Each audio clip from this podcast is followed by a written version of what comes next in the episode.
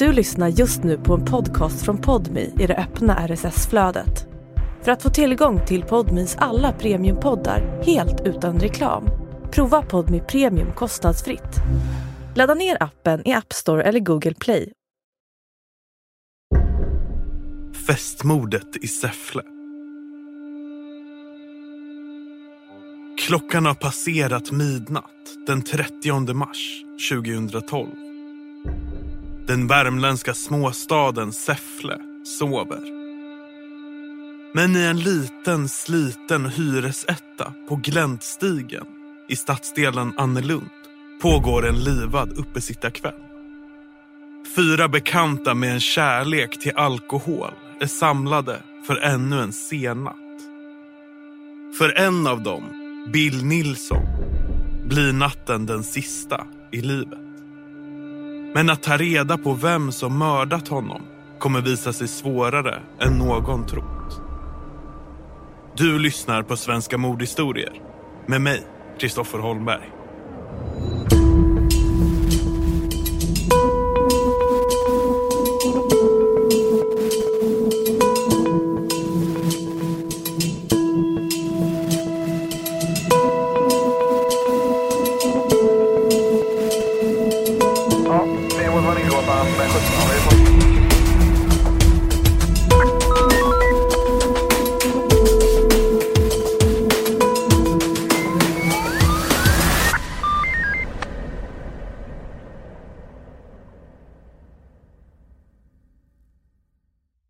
Säffle, fyra mil söder om Karlstad, är ett litet samhälle i ett pittoreskt läge strax innan byälven rinner ut i Vänern. I Säffle, precis som i många andra tätorter med avvecklade industrier, minskar både befolkningen och arbetstillfällena. Kvar finns runt 9000 invånare. En av dem är den 51-åriga Bill Nilsson Bills liv har ända sedan tonåren varit brokigt. Hans föräldrar var unga när de fick Bill och de skilde sig ganska snart efter hans födsel. Bill flyttade sen med sin mamma till en annan stad där han tillbringade de första åren i sitt liv. Hans föräldrar berättar senare i SVT-programmet Veckans brott att han i tonåren börjat umgås i kretsar där man rökte hasch och drack mycket alkohol. Eftersom den skoltrötta Bill inte ville gå ut högstadiet kom föräldrarna överens om att Bill skulle flytta till sin far i Säffle. Där fick han en lärlingsplats på pappans målerifirma.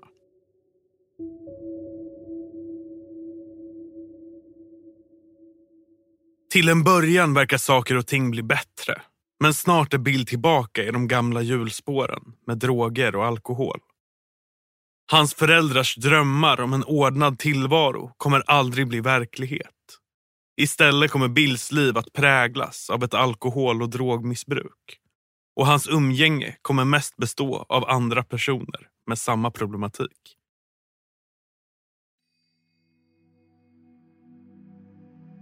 Det är torsdag den 29 mars 2012. Mot kvällen visar termometrarna i Säffle några grader plus. Det är nu snart 52-åriga Bill som har en flaska vodka hemma men är utan någon att dricka den med bestämmer sig för att gå över till den 47-årige Ronny. Ronny och Bill känner varandra sedan länge. Ronny ser sig själv som en så kallad periodare. Någon som missbrukar alkohol i perioder. Då dricker han så mycket sprit att han tappar koll på tid och rum. Missbruket har haft sina konsekvenser han har både blivit dömd för olaga hot och rattfylleri. Men mellan sina missbruksperioder lever han ett hyfsat ordningsamt liv och pendlar mellan hemmet i Säffle och sitt arbete i Norge. Sen två år tillbaka är han även tillsammans med en jämnårig norsk kvinna, Emma.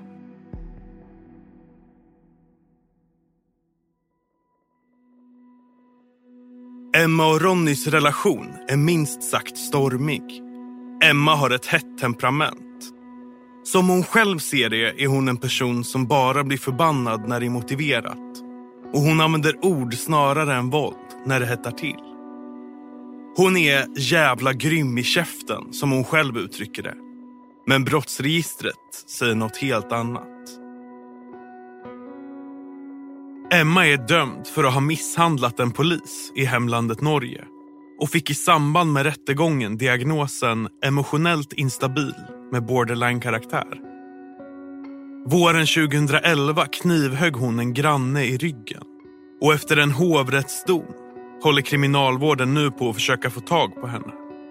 Om de lyckas väntar ett sex månader långt fängelsestraff för mordförsök. Kanske borde kriminalvården fråga Säfflepolisen. De har också råkat ut för Emma. Så sent som den 26 mars, bara tre kvällar innan paret får besök av Bill Nilsson, har de gripit henne efter att hon skadat sambon Ronnys huvud med en kniv och en grillgaffel. Hon släpptes dock fri i väntan på åtal. Ett beslut som kommer att få förödande konsekvenser för Bill. Ronnys bild av sin flickvän Emma är att hon blir oberäknelig och fullkomligt galen när hon dricker. Råkar man säga fel sak blir hon livsfarlig.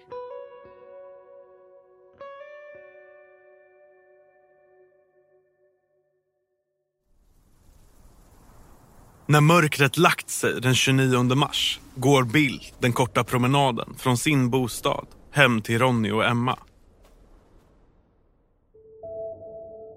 Efter att nyligen ha blivit vräkta från sin förra lägenhet bor de nu i ett nedgånget hyreshus på Gläntstigen i stadsdelen Annelund. Där har socialtjänsten ordnat en lägenhet på knappt 30 kvadrat. Bill kliver in i lägenheten utan att knacka. Något som irriterar Ronny. Nästa gång får du ringa på först, fräser han. Men bjuder ändå Bill att slå sig ner.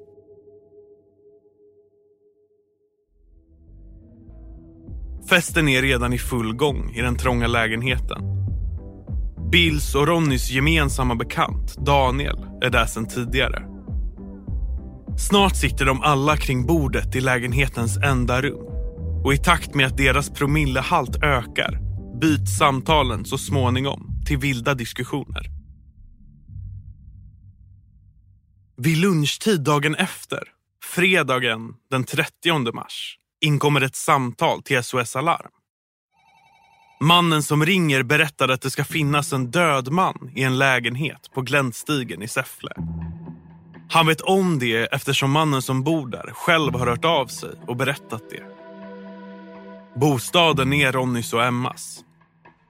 Polis och ambulans beordras omedelbart till platsen.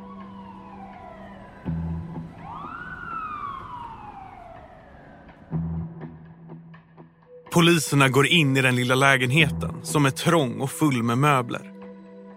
I ena hörnet av lägenheten finns en bäddsoffa, ett mindre matbord och en bänk med en tv på. På golvet bredvid matbordet hittar de Bill, avliden. De kan snabbt konstatera att han inte har dött en naturlig död. Han har blött kraftigt. Både väggarna, golvet och den intilliggande bäddsoffan är täckta av blod. Paret Ronny och Emma är kvar i lägenheten. De är slitna efter nattens drickande och är fortfarande märkbart berusade. Polispatrullen griper genast de båda och för dem till polisstationen. Samtidigt kallas kriminaltekniker till platsen för att säkra spår.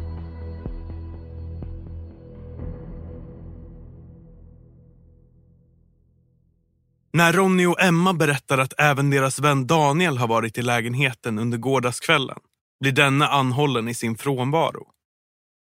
En polispatrull skickas till Daniels hem där han grips. Nu sitter tre av fyra personer från gårdagens fest i arresten, misstänkta för mord.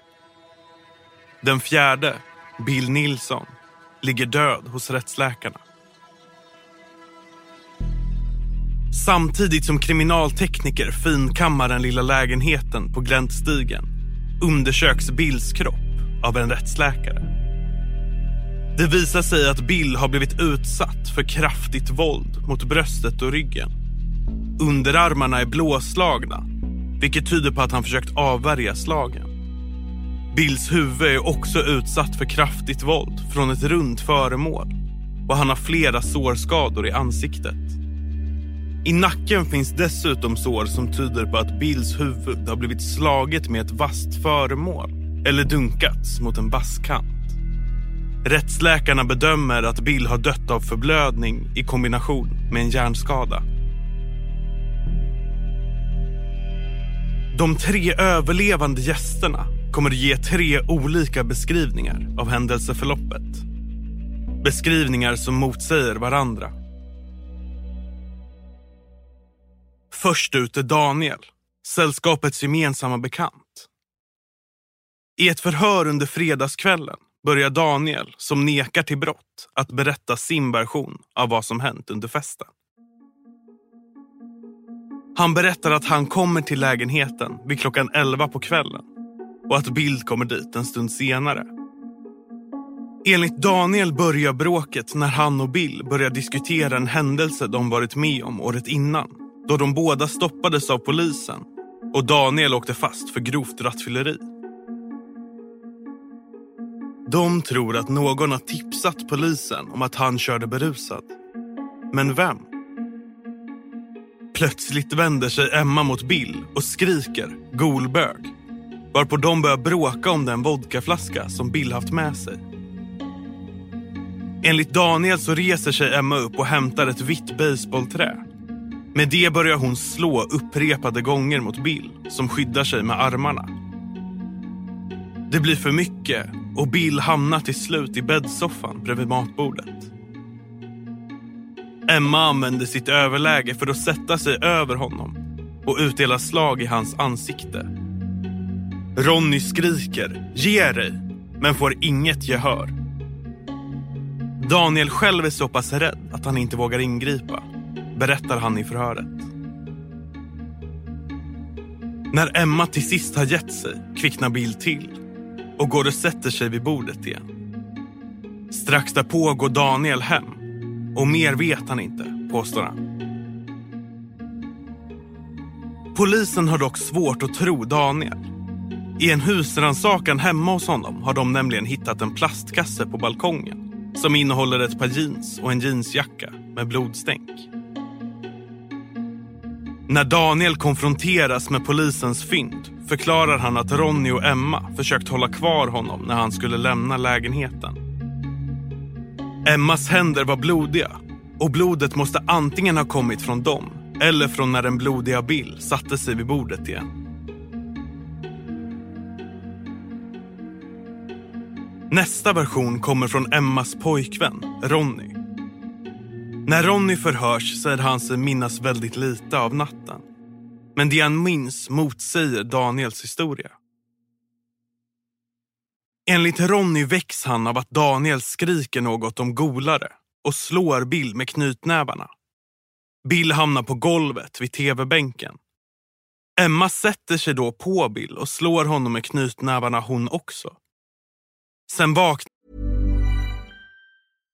If you're looking for plump lips that last, you need to know about Juvederm lip fillers. With Juvederm Volbella XC and Juvederm Ultra XC, your lip look, whether it's subtle or bold, can last up to one full year with optimal treatment and no additional maintenance. Find a licensed specialist and see if it's right for you at juvederm.com today. That's J U V E D E R M.com. Add fullness to lips in adults over 21 with Juvederm Volbella XC or Juvederm Ultra XC. Do not use if you have severe allergies or a history of severe allergic reactions, or if you're allergic to lidocaine or the proteins used in Juvederm. Tell your doctor if you have a history of scarring or taking medicines that decrease the body's immune response or that can prolong bleeding. Common side effects include injection site redness, swelling, pain, tenderness, firmness, lumps, bumps, bruising, discoloration, or itching. As with all fillers, there's a rare risk of unintentional injection into a blood vessel, which can cause vision abnormalities, blindness, stroke, temporary scabs, or scarring. For full important safety information, visit juvederm.com.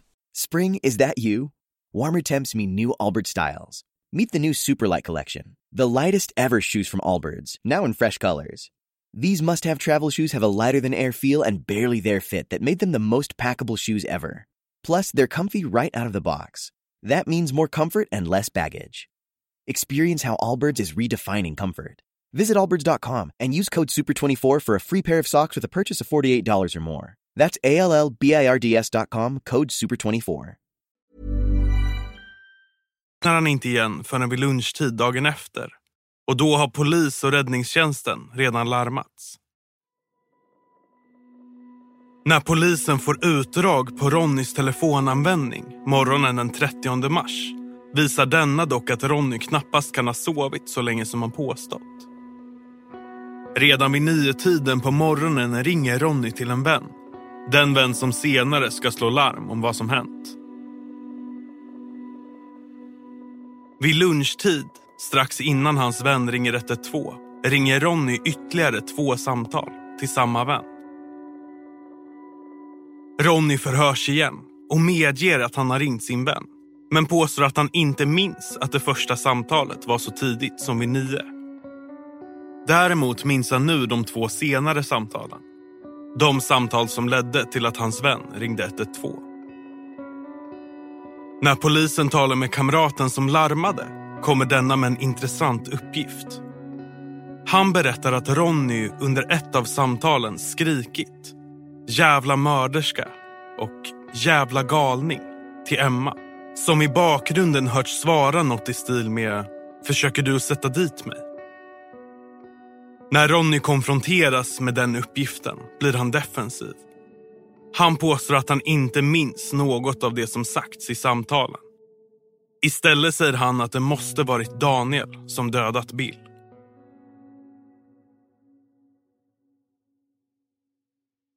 Den tredje och sista versionen kommer från Ronnys flickvän Emma. I förhören säger hon sig minnas väldigt lite av vad som hänt under natten. Påståenden om att hon ska ha kallat Bill Nilsson för golbög tillbakavisar hon bestämt. På hennes första språk norska säger man tyster istället för golare. Och hon skulle därför inte använda det svenska begreppet, berättar hon. Emmas version av kvällen går ut på att de fyra sitter samlade kring det lilla matbordet i lägenheten där de dricker och pratar. Emma känner varken Bill eller Daniel och håller sig utanför diskussionerna. Plötsligt brusar Daniel upp och skriker golbög, golare eller liknande. Hon berättar att Daniel utdelat ett slag mot Bill. Efter det minns hon inget mer.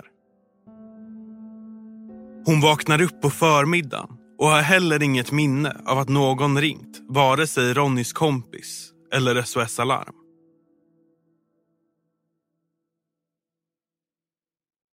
När polisen börjar ställa frågor till Ronny angående Emmas våldsamma förflutna börjar Ronnys historia sakta förändras. Enligt honom är han livrädd för Emma och nu medger han för första gången att hon varit delaktig i överfallet på Bill. Anledningen till att han hållit tyst fram tills nu är att han hoppats på att hon skulle berätta det själv. När Emma får reda på vad Ronny sagt avvisar hon alltihop. Att Ronny skulle vara rädd för henne stämmer inte.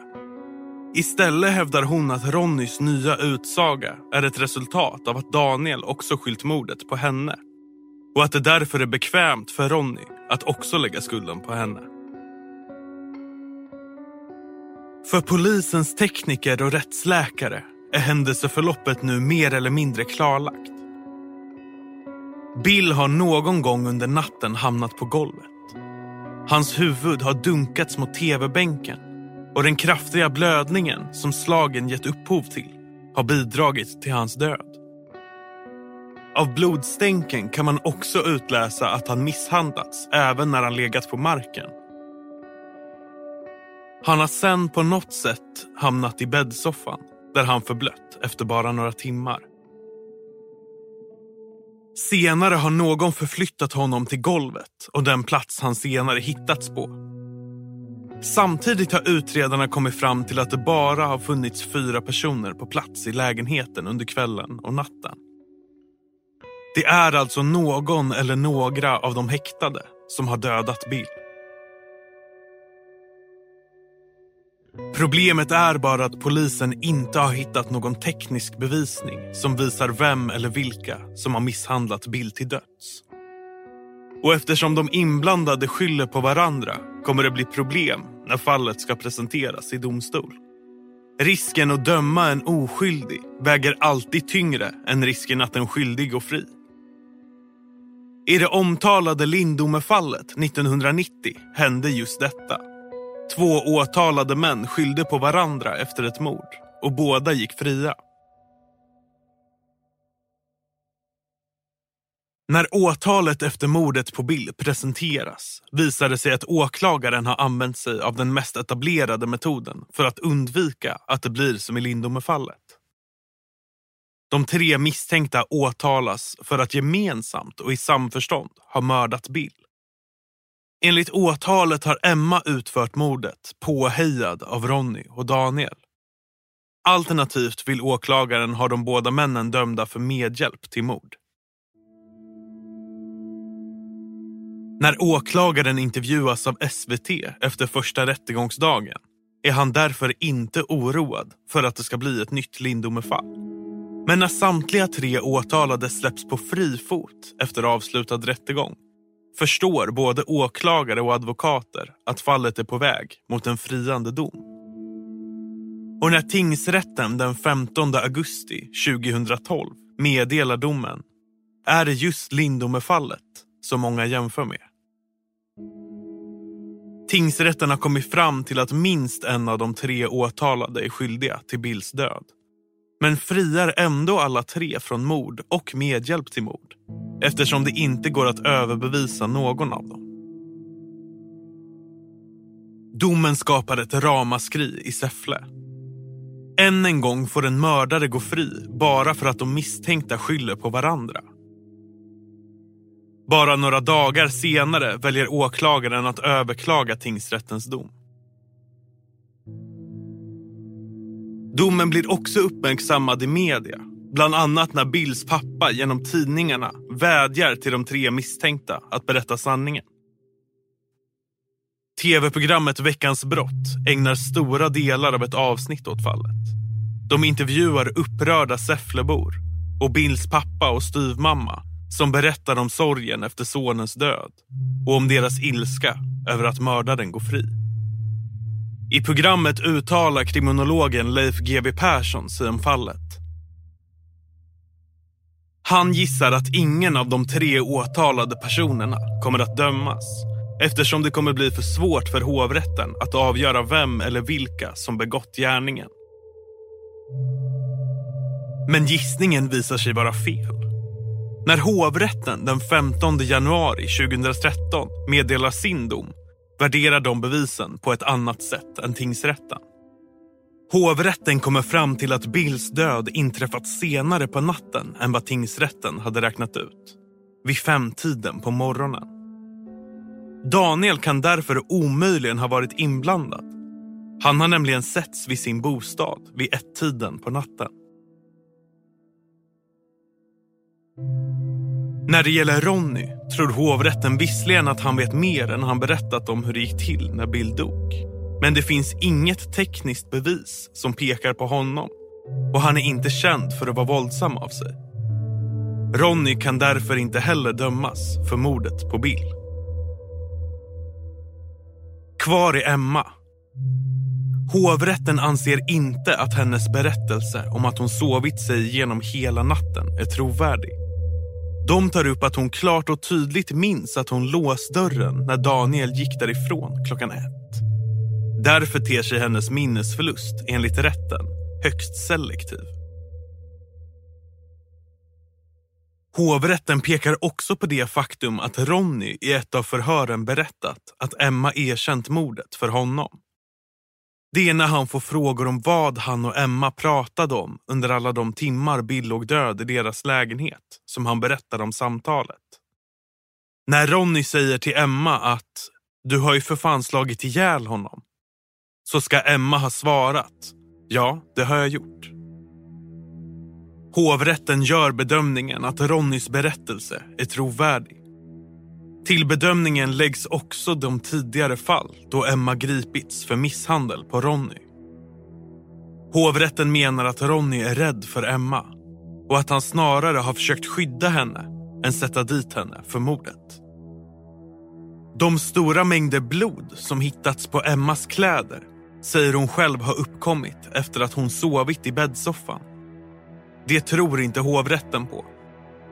De anser att den samlade bevisningen med tillräckligt hög grad av säkerhet pekar på Emma som gärningsman. Hon döms till 12 års fängelse för mordet på Bill Nilsson. Hon ska också betala sammanlagt 150 000 kronor till hans anhöriga. Under våren 2013 gör hon ett försök att få sin sak prövad i Högsta domstolen, men utan framgång. Ronny och Daniel frias helt, även i hovrätten. Men då har Daniel redan fått annat att tänka på. När domen kommer i januari 2013 sitter han häktad misstänkt för att ha hotat en annan man med kolsyrepistol i ett skogsparti utanför Anneberg. Ett par veckor senare döms han till sex månaders fängelse för brottet. Huset på Gläntstigen i Säffle, där Ronnys och Emmas lilla etta en gång låg, är numera rivet och ersatt av en parkeringsplats. År av misskött underhåll gjorde att det kommunala bostadsbolaget inte tyckte att det lönade sig att renovera det. Raserat är även Emmas och Ronnys förhållande. När Expressen kontaktar Ronny två år efter mordet berättar han att paret inte sett någon framtid tillsammans med tanke på Emmas långa fängelsestraff. För Bill Nilssons anhöriga blev domen i hovrätten en upprättelse och någon form av avslut. Även om de aldrig får tillbaka Bill. I en intervju i Säffle-tidningen berättar de att de känner sig oerhört lättade över att i alla fall en person har blivit fälld för mordet. Inte minst sen deras juridiska ombud uppmanat dem att inte vara alltför hoppfulla. För det här fallet kunde ha blivit ett nytt Lindomefall. Där svårigheten att bevisa någons skuld gör att alla går fria. Och då hade deras sons mördare fått gå fri. Istället sitter hon nu bakom lås och bom. Du har lyssnat på Svenska mordhistorier med mig, Kristoffer Holmberg. Manusförfattare är Leo Magnusson och Per Johansson. Alla namn i det här avsnittet är fingerade.